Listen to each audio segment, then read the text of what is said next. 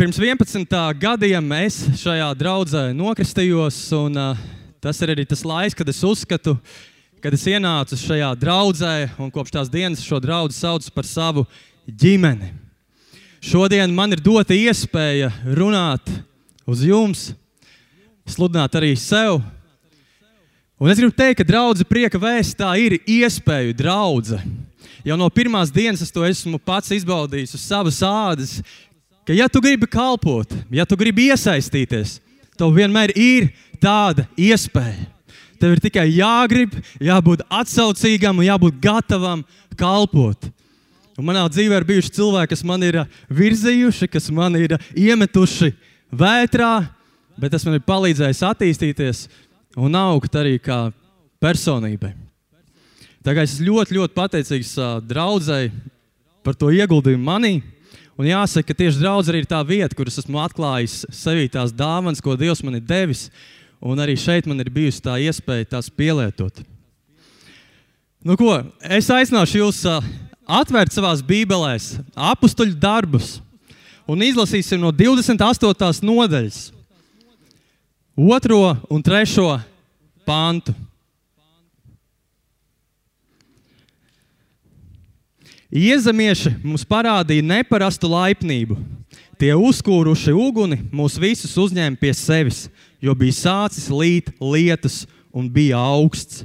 Kad Pāvils bija salasījis kādu žagaru nastiņu un nolicis pie uguns, odze aiz karstuma izlīdusi, aptinās ap viņa roku.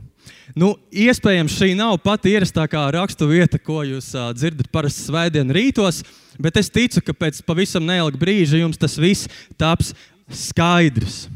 Šodienas vārdus nosaucu sargā uguni. Sargā uguni. Tu vari pagriezties kādam pa labi, pa kreisi, pateikt, vai tu sargā uguni? Vai tu sargā uguni?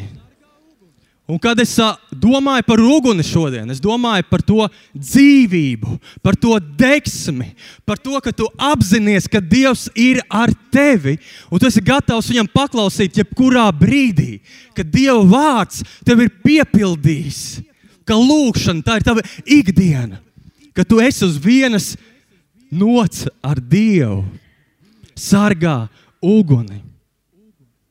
Un šis stāsts ir par Pāvilu. Un mazliet, lai ieskicētu, ko mēs tur izlasījām, es pastāstīšu par to kontekstu, kā uz to jāraugās. Redzi, Pāvils tika apcietināts. Viņš turē, tika turēts ieslodzījumā, jo viņš sludināja evaņģēlīju. Jo viņš Jēzu sauca par Dieva dēlu. Viņš tika apcietināts. Viņš tika ieslodzīts Jeruzalemē un ilgu laiku neviens nevarēja saprast, kuram tad īsti viņš ir jātiesā ko ar viņu darīt. Bija cilvēki, kur uzskatīja, ka viņš ir jāatbrīvo, bija cilvēki, kur domāja, ka viņš ir jānonāvē. Katrā ziņā viņš nebija vēlams tā laika varai. Bet beigās tā nonāca, ka viņi saprata, ok, mēs nezinām, ko ar viņu darīt. Sūtīsim viņu uz Romu, lai pats ķēzars tad arī viņu tiesā. Un viņš kopā ar vēl 275, jo kopā viņi bija 276, uz tā kuģa tika nosūtīti uz Romu ar kuģi. Un, ziniet, tajā laikā kuģošana nebija tā kā mēs tagad aizejam uz Rīgas ostu, iekāpjam Tallink prāmī, desmit stundas pavadām skraidot pa garlaicīgiem veikaliem un piedaloties lielajā Tallink loterijā. Un pēc desmit stundām mēs esam uh, Stokholmā. Tajā laikā ļoti daudz kas bija atkarīgs tieši no laika apstākļiem, no vējiem, no tā, vai bija vasara vai bija ziema. Tas ļoti daudz ietekmē tieši tajā laika ziņā, cik liels laika periods būtu jāceļo. Un tāds posms, kas varēja ilgt vien trīs nedēļas, varēja izrādīties mēnešiem garš. Un arī šajā situācijā tā izrādījās.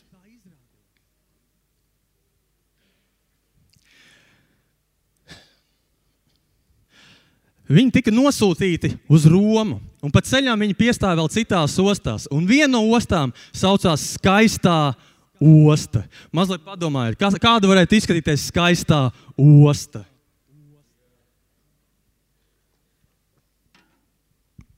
Skaistā osta.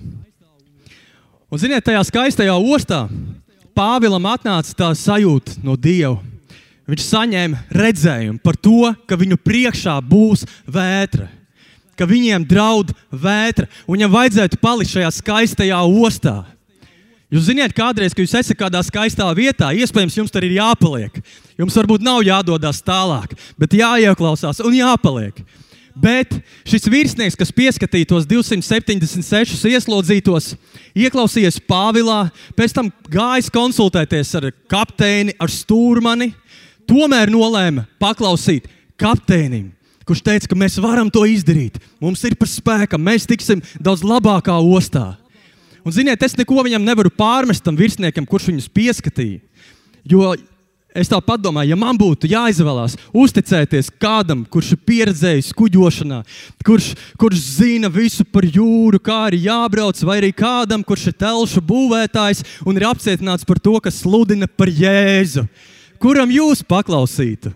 Un šis virsnieks paklausīja kapteinim. Un, ziniet, sākumā viņi devās jau ceļā, vējš bija labs, Bet tad notika tas, ko Pāvils bija redzējis. Uznāca stipra vētra, un šis kuģis tika mētāts un ierauts jūrā. Vairākas dienas un naktis viņi vienkārši pavadīja šajā vētrā. Viņi met ārā visu smagumu, visu lieko. Un pēc tāda ilgāka perioda, ko viņi bija pavadījuši jau šajā vētrā, mēs varam lasīt, ka viņi bija jau atmetuši cerību par to, ka viņi varētu izdzīvot. Bet Pāvils, saņēmis no Dieva, atkal šo redzējumu, teica: Neviens, neviens no jums neaizies bojā. Neviens neaizies bojā. Un pēc 14 dienām, ko viņi bija pavadījuši šajā vētrā, viņi beidzot ieraudzīja krastu. Un dienai austot, viņi nolēma uz to doties. Bet, ja jūs zināt to stāstu, jūs zināt, ka viņi uzskrēja virsū klintī. Un tajā brīdī visiem bija jāmetās jūrā, un kurš mācīja peldēt, es peldēju uz krasta, kurš nemācīja, pieķerās, pieķerās pie kādām kuģa atlūzām, bet viņi visi devās uz krastu, un visi izdzīvoja. Visi izdzīvoja. Un tur šie iezemieši viņus sagaidīja ar neparastu laipnību. Un šeit ir tas pirmais punkts, ko es gribu teikt šodien. Kamēr tu elpo, kusties. Kamēr tu elpo, kusties. Man liekas, vieglākais, ko Pāvils varēja darīt, bija nomesties pie tā iekurtā ugunskura, atslābt un baudīt siltumu, sasildīties. Jo viņi nebija ēduši, viņi bija pārsaluši, bija lietus. Nu, ko tur lai dara? Vienkārši nometies un sildies. Bet mēs lasījām, ka Pāvils bija salasījis kādu žagaru nastiņu. Tas nozīmē, viņš nevis palika tur pie tā uguns, bet viņš gāja un meklēja sausos zarus, lai to uguni noturētu. Un ir vairāki aspekti, ko es pamanu šajā stāstā. Un tas pirmais aspekts ir, ka reizēm cilvēki attaisno savu pasivitāti ar to, ko ir piedzīvojuši agrāk. Bieži tas var būt kādas bērnības traumas, Tās var būt arī kādas fiziskas traumas vai nepilnības. Bet bieži vien tās ir pavisam vienkāršas lietas. Nu, lūk, es jau vairākas reizes esmu mēģinājis kaut ko iesākt pats, bet man neizdevās. Varbūt man tomēr nav jākļūst par uzņēmēju. Vai es gribēju atrast darbu, un es lasu CV, tur vajag pieredzi, bet lūk, es esmu students, man nav nekādas pieredzes, es nemēģināšu. Lūk, Pagājušos Ziemassvētkos es aicināju savus radus un draugus uz Ziemassvētku dievkalpojumu, bet neviens neatnāca. Nav vērts aicināt šogad. Lūk, es lasīju Dieva vārdā, ka, ja kāds ir slims, es līdz viņam aizēju, es uzlieku viņam rokas, un Jēzus vārdā pavēlu slimībai pazust, bet tā nepazūd. Acīm redzot, nav vērts. Bet Pāvils tāds nebija. Pāvils tāds nebija. Lai nu kurš, bet viņš visu, ko viņš bija piedzīvojis, to laiku, ko viņš bija pavadījis cietumā, un tie bija 5, 6 gadi. Vētrā, izsalcis, izslāpis, nosalis. Viņš nepalika tur pie tā uguns. Viņš kustējās. Viņš kustējās, kamēr tu elpo, kusties. Tas otrais aspekts, ko es pamanu, ka Pāvils nebija narkotīleris, bet viņa dzīvē notika vētra. Pāvils nekrāpa savu sievu. Nu, viņam nebija sievas, bet, viņš arī nekrāpa sievu. Bet viņa dzīvē notika vētra. Pāvils nenodarbojās ar koruptīviem darījumiem, bet viņa dzīvē notika vētra. Pāvils sludināja evaņģēliju, Pāvils cēla draugus, Pāvils veidoja jaunos mācekļus, jaunos līderus Kristum, un viņa dzīvē notika vētra. Reizēm tu vari darīt pareizās lietas, bet tavā dzīvē būs vētra. Un kā tajā stāstā, kad tā vētra uznāca, pārējie ieslodzītie, kas bija tā kuģa, teica, mums nav cerības, mums vairs nav cerības. Bet Pāvils bija saņēmis Dieva vārdu. Viņš bija saņēmis, ka mēs visi izdzīvosim. Kamēr tu elpo un viss kopā kusties.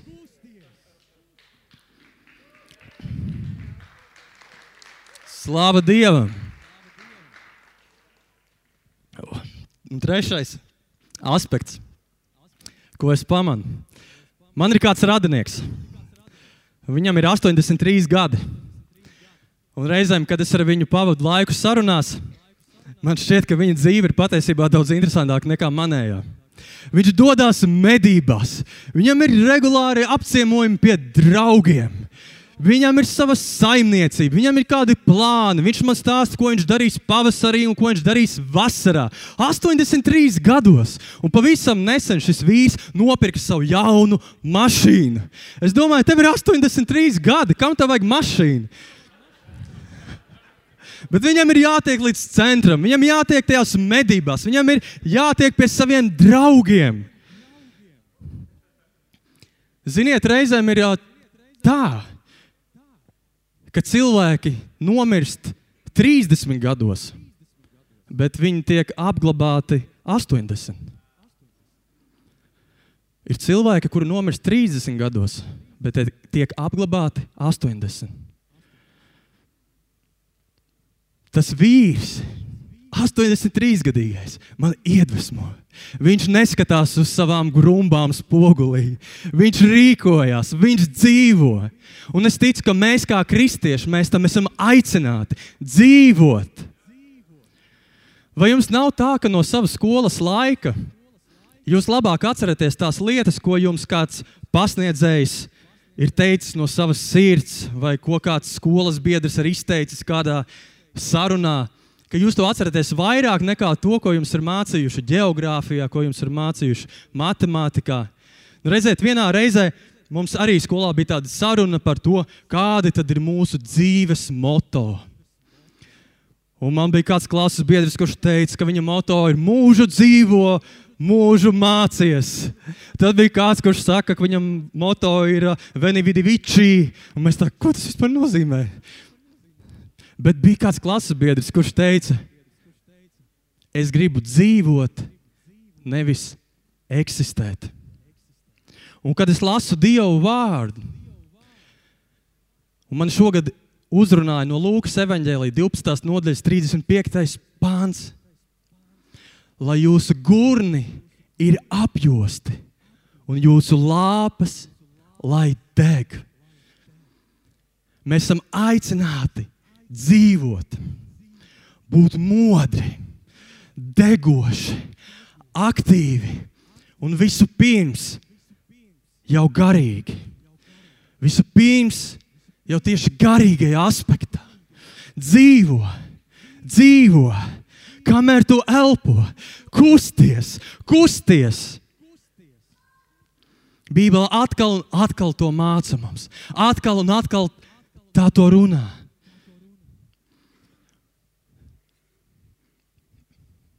Un es tā domāju par sevi. Ja tavā dzīvē ir bijis laiks, kad tev ir licies, ka tu esi jēzum tuvāks bijis, tad nekā šobrīd. iespējams, tavā dzīvē tā uguns ir sākusi apzist.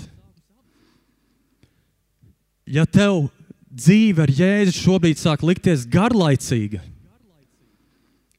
iespējams, tā uguns ir sākusi apzist. Un šodien, vispirms, es to saku arī pats sev. Un sev gribu jautāt, vai tā nav noticis arī manā dzīvē? Redz, Dieva vārds saka, ka mūsu ticībai ir jābūt aktīvai šodien. Tā ir jābūt dzīvai šodien. Dieva vārds mums māca pateikties par viņa brīnumiem, pateikties par viņa liecībām, pateikties par to, ko viņš ir darījis mūsu dzīvē, ko mēs esam piedzīvojuši. Bet, ziniet, mēs esam aicināti to atcerēties, no tā iedvesmoties, bet mums vairs nav jādzīvo tur. Mēs dzīvojam šodien, šeit. Mēs no tā varam iedvesmoties bet mums ir jādzīvo šodien. Mēs nevaram visu mūžu dzīvot uz tās liecības, ko mēs piedzīvojām pamatskolā kaut kad. Kas notiek šodien? Man ļoti agrāk, es teikšu, tagad jau godīgi, agrāk patika skriet. Un es skrēju daudz, esmu noskrējis arī vairākus pusmaratonus. Un bieži vien runājot ar kādu cilvēku, Viņš man jautā, nu, kā tev veicās ar skriešanu? Un, ziniet, man aizvien gribās teikt, nu, kā es esmu baigais skrējējis, baigi labi. Bet es tā paskatos savā skriešanas dienas grāmatā. Tur jau trīs gadi nav bijis sistemātisks treniņu process. Nu, kā es varu sev saukt par skrējēju, ja es šodien vairs neskrienu? Un es ticu arī garīgi. Mēs esam aicināti tam, lai mūsu ticība parādās šodien, šodien. Lai tavi gurni ir apjosti un lāpas deg. Un tas otrais punkts ir, uguns ir tava izvēle. Uguns ir tava izvēle. Interesanti, ka Pāvils stāstā mēs varam lasīt to, ka iezemieši bija tie, kas iededza uguni. Iezemieši bija tie, kas iededza uguni, bet Pāvils bija tas, kurš gāja pēc šiem sausiem zariem un to noturēja. Kādreiz tā var būt, kad tavā dzīvē iezemieši iededz uguni, bet tavas izvēles un rīcība to noturēs. Laba grāmata var iedegt uguni, bet tavas izvēles un rīcība to noturēs.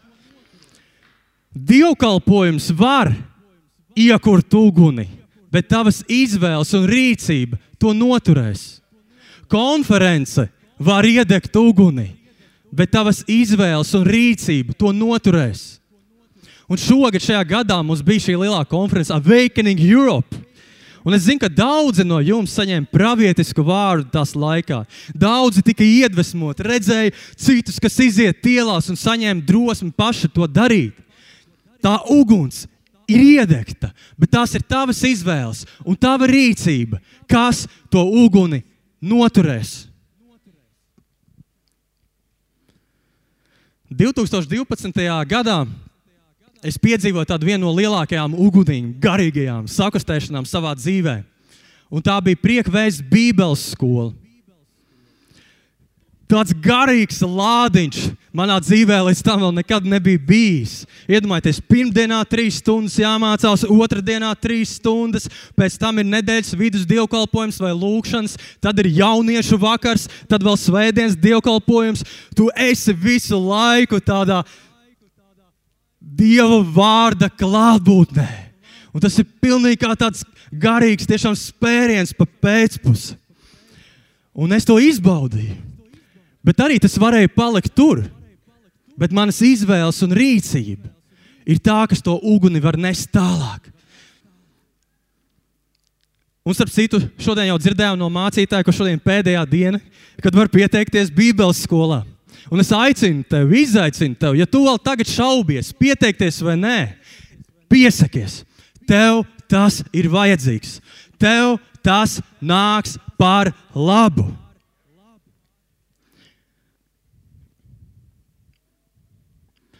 Bet tagad es gribu parunāt par šiem trijiem sausiem zariem. Es jau atklāju arī skaitu. Kādam varbūt tās ir pieci sausi zari, kādam no jums varbūt 12, bet es gribu parunāt par trīs sausiem zariem tavai ugunī. Pagriezies pie kādu, pa labi, pa kreisi, paprasa, vai tev ir trīs sausi zari. Tu zini, kas tie varētu būt pa zariem?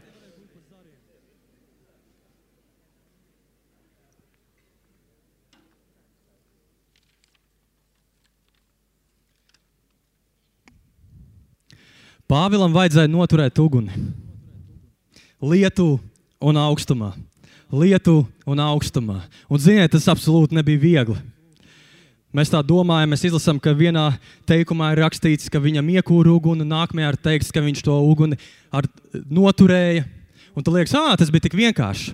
Bet vai jūs kādreiz esat devušies pārgājienā lietus laikā, ka jums jāiekur uguns? Nu, piemēram, pagājušajā gadā mēs bijām pārgājienā pie Zvārta ieža, un tajā dienā nelija, bet mums vajadzēja iekurt uguni. Bet, ziniet, līs bija iepriekšējā dienā. Un visur, kur mēs meklējām kādus sausus zarus, viņi bija izmirkuši. Mēs nevarējām atrast nevienu pašu sausu zaru. Bet tad mums uzmaidīja veiksmi. Mēs redzējām, kā tādu lielāku koku, kurš bija nogāzts. Mēs domājām, ka noteikti tur apakšā jābūt kādiem sausiem zariem, jo tur taču lietas netiek klāta. Bet es neesmu dabas pētnieks, un no tām lietām varbūt daudz nesaprotu. Bet tas mitrums bija sasūcies arī zem tā koka. Viss bija izmirts. Mēs nevarējām neko iekurt līdz brīdim, kad vienkārši kādi citi atpūtnieki redzēja mūsu cīņu un no savas mašīnas mums izvilka sausas pagals. Un, ziniet, arī tagad mēs dzīvojam lietainā laikā. Ārā ir sniegs, mēs varam teikt, sniegainā laikā. Un, lai mēs atrastu tos sausos zarus, mums ir jāizvēlās, mums ir jārīkojas. Mums ir jāmeklē, mums ir jāmeklē tie. Jo, ja mēs tos nemeklēsim, mēs pie tā ugunskura varam nosalt. Pāvils bija gudrs. Viņš zināja, ka šis ugunskurs, ko iezemieši ir iekūruši, viņš varbūt degs stundu, varbūt divas, bet tad tas nodzisīs. Viņam bija jārīkojas. Un es gribu runāt par pirmo no trīs zariem. Ja šie trīs zari tavā dzīvē būs sakārtot, es ticu, ka tā uguns, kas ir iedegta tavā sirdī, tā degs tā degs. Un pirmais no tiem ir lūkšana. Lūkšanā ir spēks. Oh, lūkšanā ir spēks. Ziniet, kā zivī ir vajadzīgs ūdens, lai tā izdzīvotu. Tā kristietim ir vajadzīga lūkšana. Mums ir vajadzīga lūkšana. Lūkšana ir tas veids, kā kā mēs savienojamies ar Dievu. Tas ir mūsu komunikācijas kanāls, tā sadraudzība. Ziniet, es domāju, ka kristiešiem vajadzētu izdomāt jaunu vārdu tam vārdam sadraudzība. Jo nesen es runāju ar kādu draugu ārpus draudzes un teicu, ka būtu forši tādu sadraudzību uztaisīt. Viņš nesapratīja ko es runāju. Bet, bet tā komunikācija, tās attiecības, ka tu esi saņem no Dieva sirds, un ka tu viņam atklāji savus sapņus, atklāji savu sirdi. Tā vieta, kur tu no viņa vari saņemt, tā vieta, kur tas vārds, ko tu esi lasījis, kļūst dzīves tavā sirdī. Lūkšana.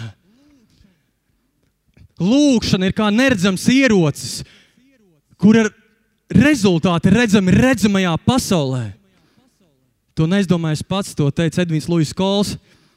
Bet es tam piekrītu. Es to redzēju savā dzīvē, ka tā kā mēs lūdzam, lūkšana izmaina apstākļus. Lūkšana izmaina apstākļus. Lūkšana vienmēr izmaina apstākļus. Un nevienmēr mēs to redzam uzreiz fiziskām acīm. Bet lūkšana izmaina pašu galveno apstākli. Tā izmaina mūsu sirdi. Un ka mūsu sirds ir izmainīta tad mēs redzam citādi. Tad mēs redzam tās situācijas, tās vētras un tos izaicinājumus citām acīm. Visbiežāk to mēs varam piedzīvot, tad, kad ir kāds cilvēks, kurš mūs ir nokaitinājis, vai kāds cilvēks, kurš mūs apsūdz par ko, kaut ko, ko mēs vispār neesam nekad darījuši. Un tad, kad tu sāc lūgt par viņu, kad tu tici par viņu, kad tu lūdz, lai Dievs viņam pieskarās, tici man, tu to cilvēku ieraudzīsi citām acīm. Lūkšana. Tas ir spēks. Otrā lieta ir Dieva vārds. Stāv rakstīts, rakstīts, ka cilvēks nedzīvo no maizes vien, bet no katra vārda, kas iziet no Dieva mutes. Dieva vārds vēl aizvien ir dzīvs, tas vēl aizvien ir spēcīgs, tas ienes dzīvību, tas pamodina tos, kas ir pakrituši. Dieva vārds, tas ir spēks, tā ir enerģija, tā ir dzīvība.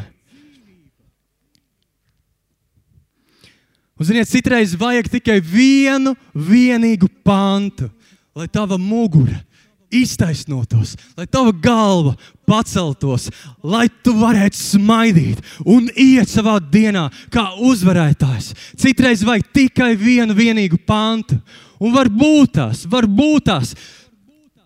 Tu nesaproti nevienu pašu domu no šīm 900 lapas pusēm. Bet ir viens pāns, kurš tev ir uzrunājis, kuram tu esi pieķēries. Tad šis viens pāns, tas var izmainīt tavu dzīvi. Dieva vārds ir dzīves un spēcīgs. Un Dieva vārds saka, padodies Dievam, stājies pretī vēlnam, un viņš bēgs no tevis. Bet kā tu vari padoties Dievam? ja tev nav piepildījis Dieva vārds. Es nesen lasīju grāmatu par uh, brāli Junu. Jūs esat noteikti daudz par viņu dzirdējuši, un nākamgad viņš būs arī mūsu draugs. Viņš ir Ķīnas pagrīdes draugu līderis. Un tajā grāmatā bija rakstīts, ka tad, kad viņš tika apslo, uh, ieslodzīts, ieslodzīts par to, ka arī viņš sludināja evaņģēlīju, viņam tika atņemta Bībele. Ieslodzījumā viņam nebija pieejama rakstiskā formā Bībele. Viņš varēja paļauties tikai un vienīgi uz to, kas bija viņa sirdī. Un šis vīrs, ja nemaldos, bija iemācījies no galvas visu jauno derību. Es neaicinu tevi šodien mācīties no galvas visu jauno derību, bet, ja tu to darīsi, es tevi tikai iedrošināšu. Bet tas vārds viņu iznesa cauri tām vētrām. Tas vārds bija tas, kas viņam palīdzēja izturēt. Tas vārds bija tas, kas viņam palīdzēja palikt uzvarētājam par spīti apstākļiem. Un zini, ka tavā dzīvē ienāk kādi kārdinājumi, vēlams izmet kārdinājumus tavā ceļā, tad tu vari atcerēties to, ka līdz ar Kristu tu esi krustā sists, bet nu vairs nedzīvo tu, bet tevī dzīvo Kristus. Viņš dzīvo tevī. Viņš dzīvo tevī. Ha, tiem kārdinājumiem vairs nav varas pār tevi. Tad, kad tev uznāk ziemas vīrusi un televīzijā saka, iedzer tabletīti, tev paliks labāk. Tu zini to, ko mēs mācījāmies pagājušajā reizē, ka tavi grēki jau ir piedoti un tu jau esi dziedināts, tāpēc ka tava grēka ir piedota. Un tad ir tā rakstu vieta, kur rakstīts, viņš uznesa mūsu grēku savā miesā pie stūra, lai mēs grēkiem miruši dzīvotu viņa taisnībai. Un tad ir tas foršais piedēklis, kas mums visiem patīk. Ar viņa brūcēm jūs esat dziedināti. Dieva vārds. Tev ir Dieva vārds. Uz kā stāvēt, kam padoties. Un kādreiz vēlams nāk mūsu dzīvē ar apsūdzībām. No vecās dzīves. Viņš saka, tu nespēji, tu to nevari. Tev nesanāks, tu vēl aizvien grēko. Paskaties spogulī, kas tu patiesībā esi. Bet tu zini, ka Dieva vārds saka, tādēļ, ja kas ir Kristū, tas ir jauns radījums, kas bijis, ir pagājis. Redz, viss ir tapis jauns. Halleluja! Un man reizēm ir tik ļoti žēl, ka mēs, tie cilvēki, kas pienāk šeit priekšā un pieņem Jēzu Kristu par savu kungu un glābēju, vēl aizvien sevi redz kā to veco cilvēku. Pavisam nesen mēs skatījāmies ar sieviņu kādu raidījumu par uh, cilvēkiem, kas dzīvo rehabilitācijas centrā, Kristīgā. Un tur bija intervijas ar šiem cilvēkiem, kas ir pieņēmuši Jēzu par savu kungu. Un vienu filmē viņš saka, es esmu alkoholiķis, otru filmē viņš saka, es esmu grēcinieks. Bet viņi ir piedzīvojuši Jēzu. Viņi ir jauni radījumi Jēzu Kristu. Tu vairs neesi tas vecais. Tava identitāte ir nomainīta. Tu esi jauns radījums Jēzu Kristu. Un Dieva vārds mums ir dots, lai mēs atjaunotu savu domāšanu, lai mēs ieraudzītu sevi Dieva vārda gaismā. Un tas ir tas, ko arī mācītāji runāja, ka mums vajag atzīt to, atzīt. Un bieži vien tas nozīmē paņemt Dieva vārdu, nostāties pie spoguļa un teikt, es esmu jauns radījums Jēzu Kristu.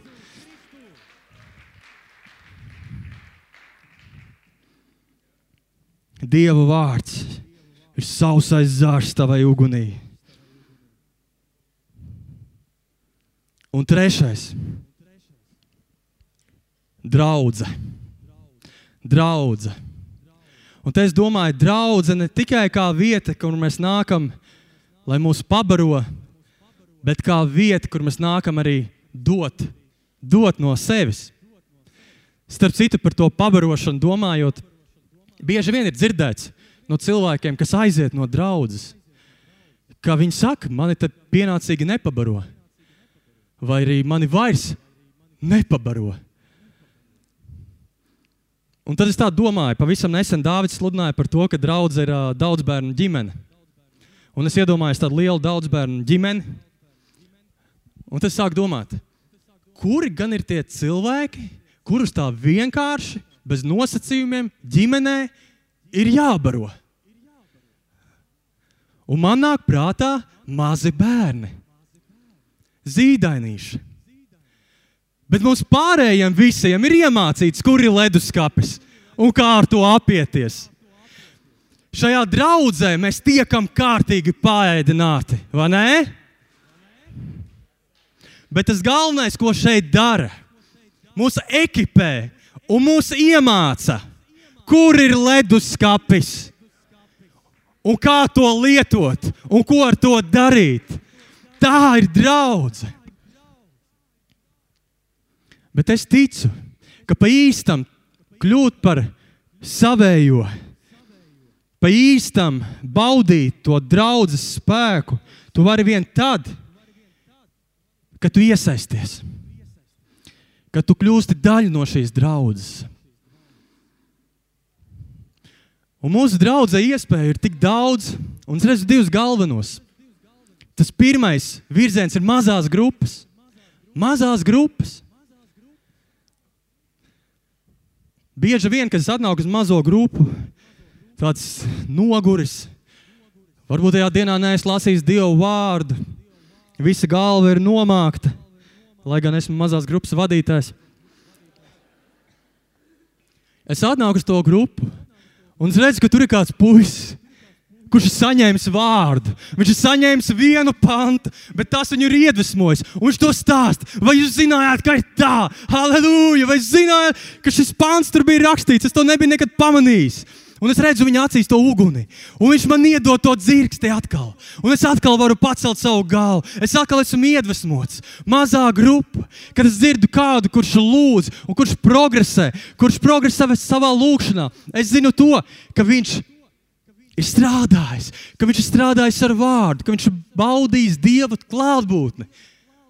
Un tas man iedvesmo. Mazā grupa. Ja tev nav savas mazās grupas, es tev iesaku būt nekaunīgam un meklēt savu mazo grupu. Bieži vien mēs esam runājuši šajā mazajā grupā ar, ar grupas puišiem par to, ka kādreiz mēs tur sanākam kopā, mēs lūdzam, mēs ēdam, mēs uh, pārunājam dievkalpojumu vārdu, bet tā liekas, ka nu, nekas jau tāds baigi tur lielais nenotika. Bet tad, kad mēs aizejam mājās, Mēs kaut kā jūtam, ka tās divas stundas, ko mēs atņēmām no sava laika un varējām būt visur citur, ka tās divas stundas ir kaut ko izmainījušas, ka mēs esam citādi. Mēs vairs neesam tādi paši, kā bijām. Mazā grupa ir kaut ko izdarījusi pie mums.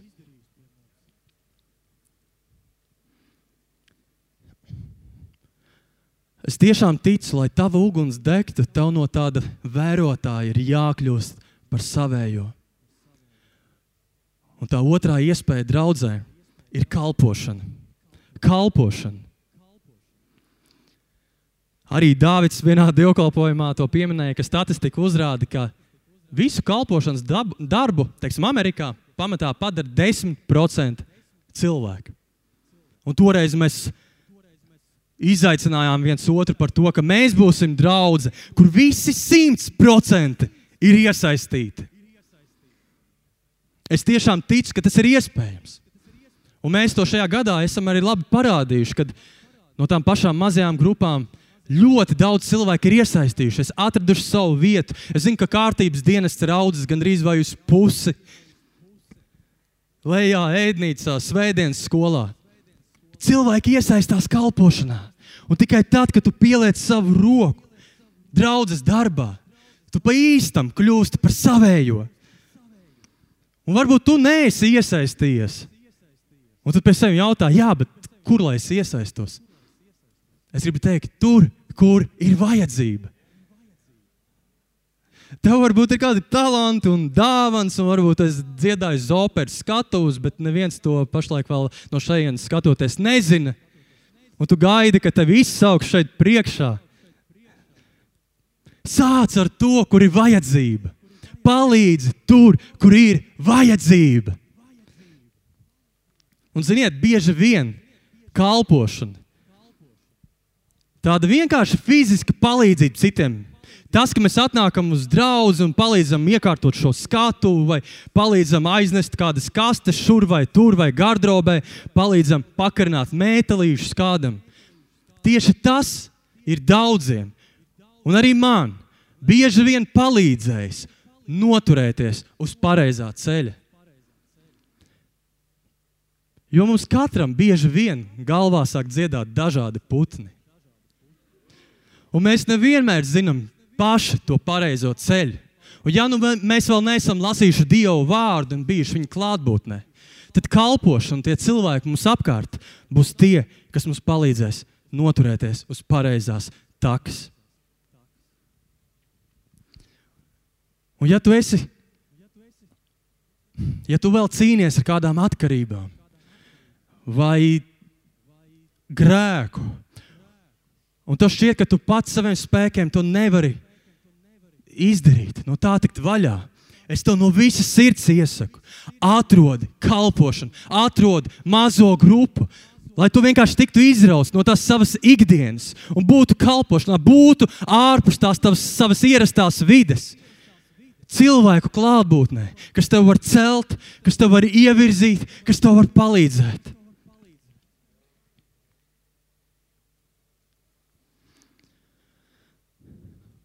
Un es gribu nobeigt ar tādu punktu, ka tava uguns ir tavs spēks. Tava uguns ir tavs spēks. Un es gribu izlasīt mazliet tālāk no apstuļu darba 28. nodaļas. Tur rakstīts, iezemieši redzēdami dzīvnieku pie viņa rokas karājamies, sacīja viens otram: Tiešām šis cilvēks ir slepkava, no jūras viņš ir izglābies, bet atriebējis liktenis viņam neļauj dzīvot. Bet viņš rāpuli nokritīja ugunī, necietis nekāda ļaunuma. Viņi gaidīja, ka viņš uztūks vai piepeši pakritīs un nomirs, bet ilgi gaidījuši un redzēdami, ka viņam nekas ļauns nenotika, viņi mainīja savas domas un sacīja, ka viņš esot Dievs. Jūs redzējāt, cik ātri nomainījās cilvēku viedoklis par Pāvilu. Sākumā viņi teica, ka viņš bija slepkavs, un te jau viņš ir Dievs. Tad, kad tu rūpēsies par savu uguni, būs aktīvs lūgšanā, būsi aktīvs Dieva vārdā, kalpos draudzē. Būs brīži, kad čūskas mēģinās tevi iekost. Būs brīži, kad tavā ceļā izskries čūskas. Un tāda čūska bija arī pieķērusies pie Pāvila rokas. Tur rakstīts, čūska karājās pie viņa rokas. Un tie, kas to redzēja, gaidīja, kad viņš tiks sakosts, gaidīja, ka viņš paģības, ka viņš nomirs. Bet vai jūs pamanījāt to, ka Pāvils to čūsku nokritīja ugunī, kuru pats bija sargājis? kuru pats bija sargājis. Mūsu dzīvē var nākt čūskas, var nākt vētras. Bet, ja tu būsi rūpējies par savu uguni, ja tu būsi rūpējies par to uguni, ko Dievs ir iededzis tavā sirdī, kā Pāvils nokritīja čūsku ugunī, kuru viņš bija sargājis, tā tu varēsi nokritīt tās čūskas, kas nāk tavā ceļā, ugunī, par kuru tu pats esi rūpējies. Un interesanti tur ir teikts, ka sākumā viņi domāja, ka viņš ir slepkava, ka viņam atkal nav paveicies. Bet pēc tam viņi teica, viņš ir Dievs. Manuprāt, visstiprākā liecība taviem radiem, taviem draugiem, taviem kolēģiem būs tā liecība, kā tu esi izgājis cauri savām vētrām. Vai tu rīkojies tāpat kā visa pasaule un satraukumā, no ko man tagad darīt? Kur ir tās gripas tabletes? Ko man darīt? Vai tu zini, ka tu vari padoties Dievam, stāties pretī vēlnam, un Viņš bēgs no tevis. Varbūt kāds tagad klausās un domā, jā, šis jaunais puisis, parastais draugs loceklis, tagad sludina par šīm lietām, un, un tu saproti, ka tas tomēr atsaucās tavā sirdī, ka varbūt šī uguns ir apzisusi. Mūsu mazajā grupā nesen pievienojās kāds uh, puisis. Un, ziniet, kad, kad tu iepazīsti jaunu cilvēku, un tu zini, ka viņš ir kristietis, vai viņš ir kopā ar Dievu, ka tu zini, ka kaut ko Dievs ir darījis pie viņa, to pilnīgi var tā kā savost. Tu pilnīgi saproti, ka šis cilvēks tur ir kaut kas īpašs. Un tā runājot ar viņu, Es uzzinu to, ka viņš agrāk ir bijis aktīvs misionārs. Viņš ir bijis dažādās misijās, viņš ir bijis slavētājs savā draudzē. Bet kaut kur pa vidu, tajā visā ceļā, bija izdarīts kādas izvēles, kas viņu aizved prom no tās uguns, kas dega viņa sirdī. Un caur viņa piemēru es to redzu, un es ticu, ja tas ir bijis tavā dzīvē, ka tev ir iespēja atgriezties pie uguns, tev ir iespēja atgriezties. Un šis puisis, viņš to saprata, ka Dievs vēl aizvien runā viņa sirdī, ka Dievs viņu velk tuvāk pie sevis. Viņš saprata, ka viņam kaut kas ir jādara. Viņš atrada draugu, viņš atrada mazo grupu, viņš cenšas būt aktīvs. Jo viņš grib, lai tā uguns deg viņā. Jo tikai tā viņš var piepildīt to aicinājumu, kur Dievs ir devis viņam.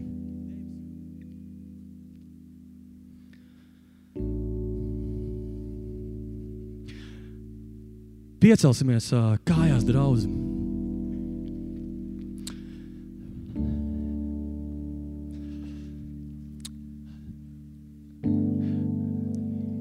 Kaut kad bija tā diena, kad Dievs iededz uguni tavā sirdī. Varbūt tas notika caur kādu cilvēku.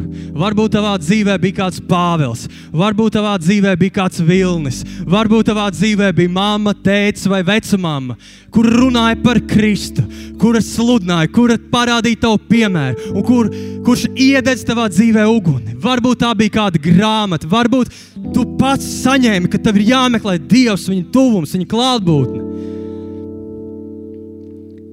Kāds noteikti to izdarīja. Bet tā ir tava izvēle un tava rīcība, kas to uguni noturēs. Un šodien, šajā sniegotajā, lietainajā, augstajā laikā, mums ir jāizdara izvēles, draugi, lai mēs to uguni noturētu. Lai mēs patiesi piepildītu aicinājumu, kas Dievam ir par katru no mums. Par katru no mums. Dievs, mēs pateicamies Tev,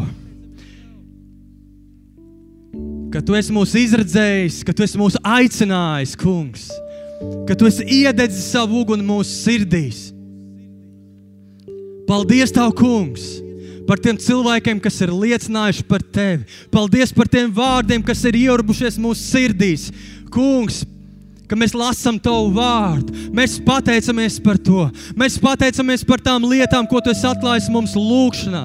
Laikā ar Tevi, Kungs. Mēs pateicamies, Kungs, par iespēju kalpot draudzē. O, Kungs, mēs pateicamies par to uguni, kas deg mūsu sirdīs.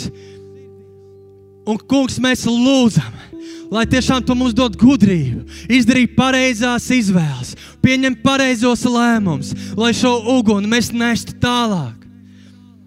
Kungs, mēs pateicamies, ka mēs neesam vieni šajā cīņā, bet tu esi kopā ar mums. Tu pats mums palīdzi tajā. Mēs pateicamies Tev, Kungs, ka Tu esi ar mums. Un mēs pateicamies Tev, Kungs, ka Tavs vārds ir dzīves un spēcīgs. Tavs vārds var uzcelt pakritušus kaulus. Tavs vārds, kungs, ka tas ienāk nāves ielā, tas ienes dzīvību. O, kungs! Un mēs pateicamies, ka tie, kas varbūt ir nozaudējuši šo uguni, ka Jēzus Kristus vārdā, kungs, viņi var atkal pieķerties tev, atkal pieķerties tev Halleluja!